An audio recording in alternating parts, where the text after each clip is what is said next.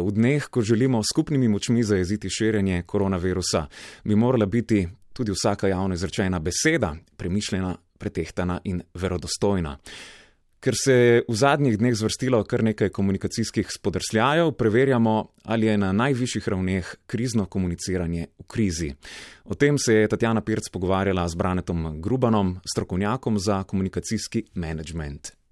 V teh časih vidimo, da je prav komuniciranje prva žrtev dogajanja v teh kriznih razmerah, kajti ob vsem tem, da vsi tako prisegamo na komunikacije, se kar vrstijo napake in nedoslednosti pri komuniciranju, ki bi lahko seveda imele eh, usodne posledice. Tu ni najhujše to, da je veliko uh, neznanja o komuniciranju, ampak problem je, da stvari ne prepuščamo sroki in da je mnogo bolj nevarno to polznanje. In temu smo pričali v teh dneh, da komunikacijska stroka pravzaprav na nek način ne prihaja v tej, recimo, politični kloaki do tiste veljave, kakršno bi morala v takih kriznih razmerah imeti. Same osnove kriznega komuniciranja pa pravzaprav niso, bi rekel, atomska fizika. Ne. Prva stvar, ki je vedno prva zakonitost kriznega komuniciranja, je, da je treba hermetično centralizirati uradne informacije. To je pravzaprav prva zakonitost, zaradi tega, ker uh, ta poplava sporočil, ki so jih ljudje deležni, ne, Eh, pr prenaša en sila problematičen uh, efekt. In sicer to, da uradne komunikacije izgubljajo bitko v primerjavi z govoricami, z neuradnimi komunikacijami, z različnimi drugimi dezinformacijami. In če tega ne preprečimo, če teh, tega efekta ne znamo odpraviti in ko se kaže, da ne znamo odpraviti, se dogaja, da je bitka za formalne uradne komunikacije izgubljena. Zakaj, gospod Gruban, zakaj, gospod Gruban, oprostite, ker vas prekinjam, ampak ne, zakaj govorice zmagujejo? Zelo, zelo enostavna razlaga je in mislim, da je to ena od takih, rekel bi, elementarnih stvari z področja komuniciranja. Namreč ljudje dobivajo, če se, če se ustavimo na nekem trgu informacij, ljudje dobivamo informacije iz dveh virov. Eno so to, kar, kot so govorice, neuradni kanali in podobno, medtem ko na drugi strani so neke uradne komunikacije. In seveda do ljudi, da oblikuje njihovo mnenje in posledično njihovo vedenje, najprej prihajajo ravno govorice, neuradne uh, informacije, ker te vedno so po hitrosti daleč hitrejši, pa če imate še tako hiter internet, bodo do ljudi vedno najprej prišle govorice. In zaradi tega je usodno, usodno vprašanje predvsem to, kako bomo oblikovali sistem uradnih komunikacij, ki bi to tekmo lahko neutraliziral, če že ne dobil. In to pomeni, da morajo biti uh, uradne informacije kredibilne, morajo biti testirane, morajo biti pravočasne, morajo biti proaktivne. Eh, vidimo pa v teh dneh, da je prišlo ravno do tega, da je ogromno informacij tudi iz teh uradnih virov zavajajočih, enostavno eh, netestiranih in imamo dan za dnem efekte tega, da ljudje so pred vse bolj zmedeni, vse manj verjamejo tem uradnim virom informacij, zaradi tega, ker je narejeno v zadnjih dneh kar nekaj spodrsljajev, ko te informacije sploh, oziroma te komunikacije sploh na nek način niso bile testirane. Če vzamemo samo primer, da bo lažje za razumeti, v zvezi z sporočili o teh novih izrednih ukrepih v zvezi z druženjem Eh, in zbiranjem na javnih mestih.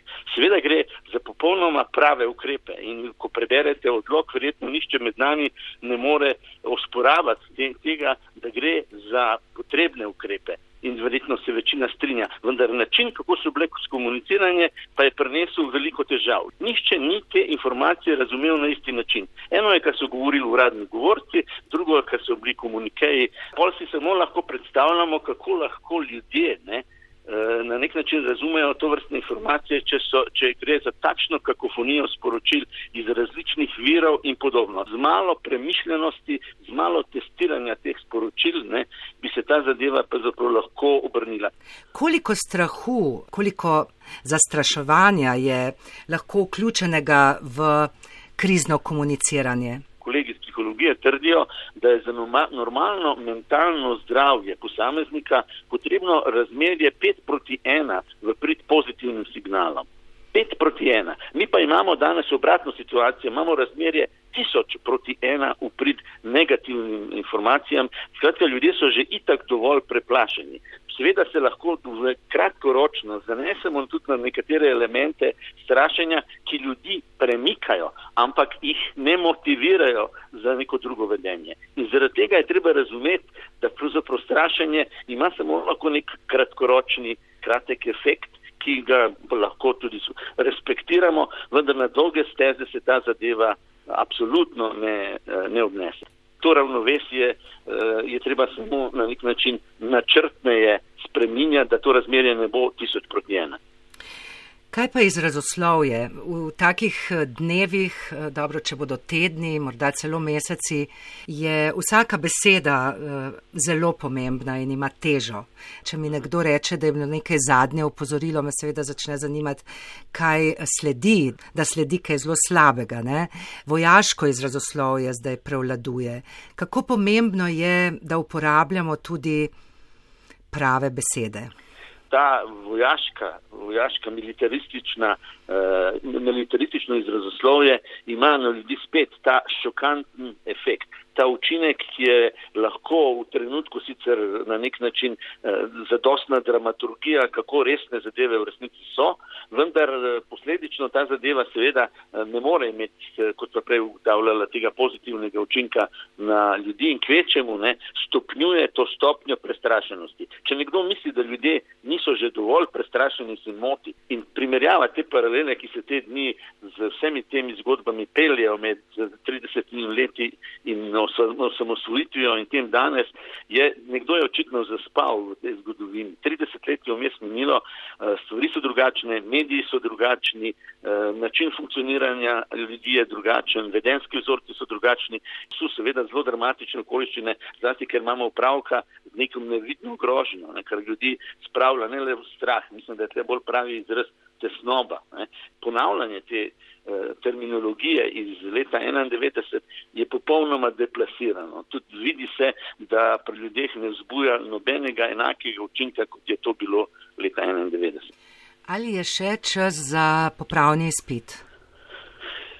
Vedno je čas za popravni izpit, ampak moram pa sam pri sebi priznati, da je veliko tega zamujenega in da številni ukrepi, ki, bi, ki smo jih pričali v teh dneh, ne, ponesrečenih zadev in eh, v, predvsem seveda govorim z tega eh, vidika komunikacijske stroke. Ne, eh, veliko, veliko preveč je teh napak, ki so bile storjene v teh dneh od komuniciranja zgodbe s plačami do zgodbe z popolnim fiaskom upravljalskih znanj na zgodbi z maskami in podobno. To so napake, ampak iz napak se bi morali nekaj naučiti. Ko naredimo prvič napako, ni nič hudega. Ko pa napako ponovimo, ne, takrat pa ne gre več samo za napako, ampak gre za nekompetentnost. In iz teh napak, tudi če prav so se zgodile, bi se morali nekaj naučiti. Ampak bojim se, da iz dneva v dan, ko vidim eh, te napake, niti jih priznamo, niti jih ne sprejmemo, niti jih ne ozavestimo in niti iz njih ne potegnemo pravega zaključka. Če se bodo ponavljale, bo to dejansko samo stopnjevalo psihozo, ljudje bodo bolj negotovi, nezaupljivi in potem smo zavozili možnost, da bodo ljudje prisluhnili te uradnim komunikacijam tudi takrat, ko bo to hudo potrebno in že danes je potrebno. Brane Gruban, najlepša hvala, ker ste si vzeli čas. No, vse časa imamo zdaj kar precej. Eh, lepo je bilo poklepetati z vami. Poskušam na nek način prispevati svoj del kot nek posameznik te zgodbi. Preprosto mi je težko z vidika stroke gledati, da stroka na nek način izgublja. Mi enostavno nimamo več pravih eh, avtoritet ne strokovnih, ne političnih, danes, ko jih najbolj potrebujemo. In mislim, da je veliko škodo pri tem naredil ravno predsednik, ki je začel s to mantro, da enostavno ne rabi biti eh, moralna avtoriteta. Danes se še kako prekleto vidi, kako pomembne so avtoritete, strokovne in politične. In to je sporočilo, da se zavedamo, kako pomembna je eh, avtoriteta. Mi smo jo zapravili in bojim se, da to ni bilo po naključju, ampak da smo zavestno razvrednotili avtoritete, danes, ko nam je pa to tako potrebno, pa teh avtoritet ni, ne v stroki, ne v politiki. Hvala lepa za pogovor, pazite na se, ostanite zdravi. Tako tudi vam želim in vsem vašim poslušalcem. Taki so bili razmisleki strokovnjaka za komunikacijski menedžment Braneta Grubana. Dodamo še en razmislek na to temo. Takole na komuniciranje nove vlade v zadnjem tednu gleda politični analitik in zgodovinar Luka Lisja Gabrielčič. Najprej, mislim, da komuniciranje prejšnje vlade ni bilo idealno, ne? to nedvomno. Komuniciranje te nove vlade je v najboljšem primeru neposrečeno. Ne? Uh, jaz mislim, da je Janez Janša hotel eh, postaviti, spravi je postavil Jelka Kacina za glavnega govornika kriznega štaba, zato da bi nekako um, okrepil to na simbolni ravni to idejo, da smo spet tam, ker smo bili v samosvojitvi, se pravi v, neki, v nekem trenutku, ko moramo vsi stopiti skupaj. Kar je bila verjetno pravilna poteza, vendar mislim, da se je, no, vsaj iz mojega stališča izkazala za, za neposrečeno, ne? ker je Jelko Kacin je človek, ki že dolgo časa uh, ni v politiki. In, in mislim, da samo pri koordiniranju vladnega komuniciranja to tudi kaže, ne, da, da, da človek je iz forme, da tako rečemo, in, in da pač ni več isti človek kot logično kot 30 let nazaj. Se pravi, to se je izkazalo za ne najboljšo odločitev. Ostale, ostali okrepi komunicirane so bili nekateri še slabši, ne? če pomislimo na Twitter stran kriznega štaba vladnega, ki se je prvih dneh po vzpostavitvi spremenil v skoraj da strankarsko trobilo, proti čemur je protestiral tudi Jelko Kacin. In to so gotovo primeri, ki mečejo slabo luč na, bi rekel, um, na, na vlado, na katero po nujnosti razmer uh, polarizacije v Sloveniji pač dobršen del prebivalstva gleda uh, ne, z nezaupanjem. In se bojim, da to nezaupanje za temi imenujemo jih spodrsljaji, uh, ni bilo izboljšano, se pravi, ni bilo, uh, ni bilo popravljeno in uh, mislim, se bojim, da se bo v naslednjih tednih in mesecih to tudi maščevalo. Tako torej Luka Lisa Gabrielčič, politični analitik in zgodovinar, ki deluje v Budimpešti.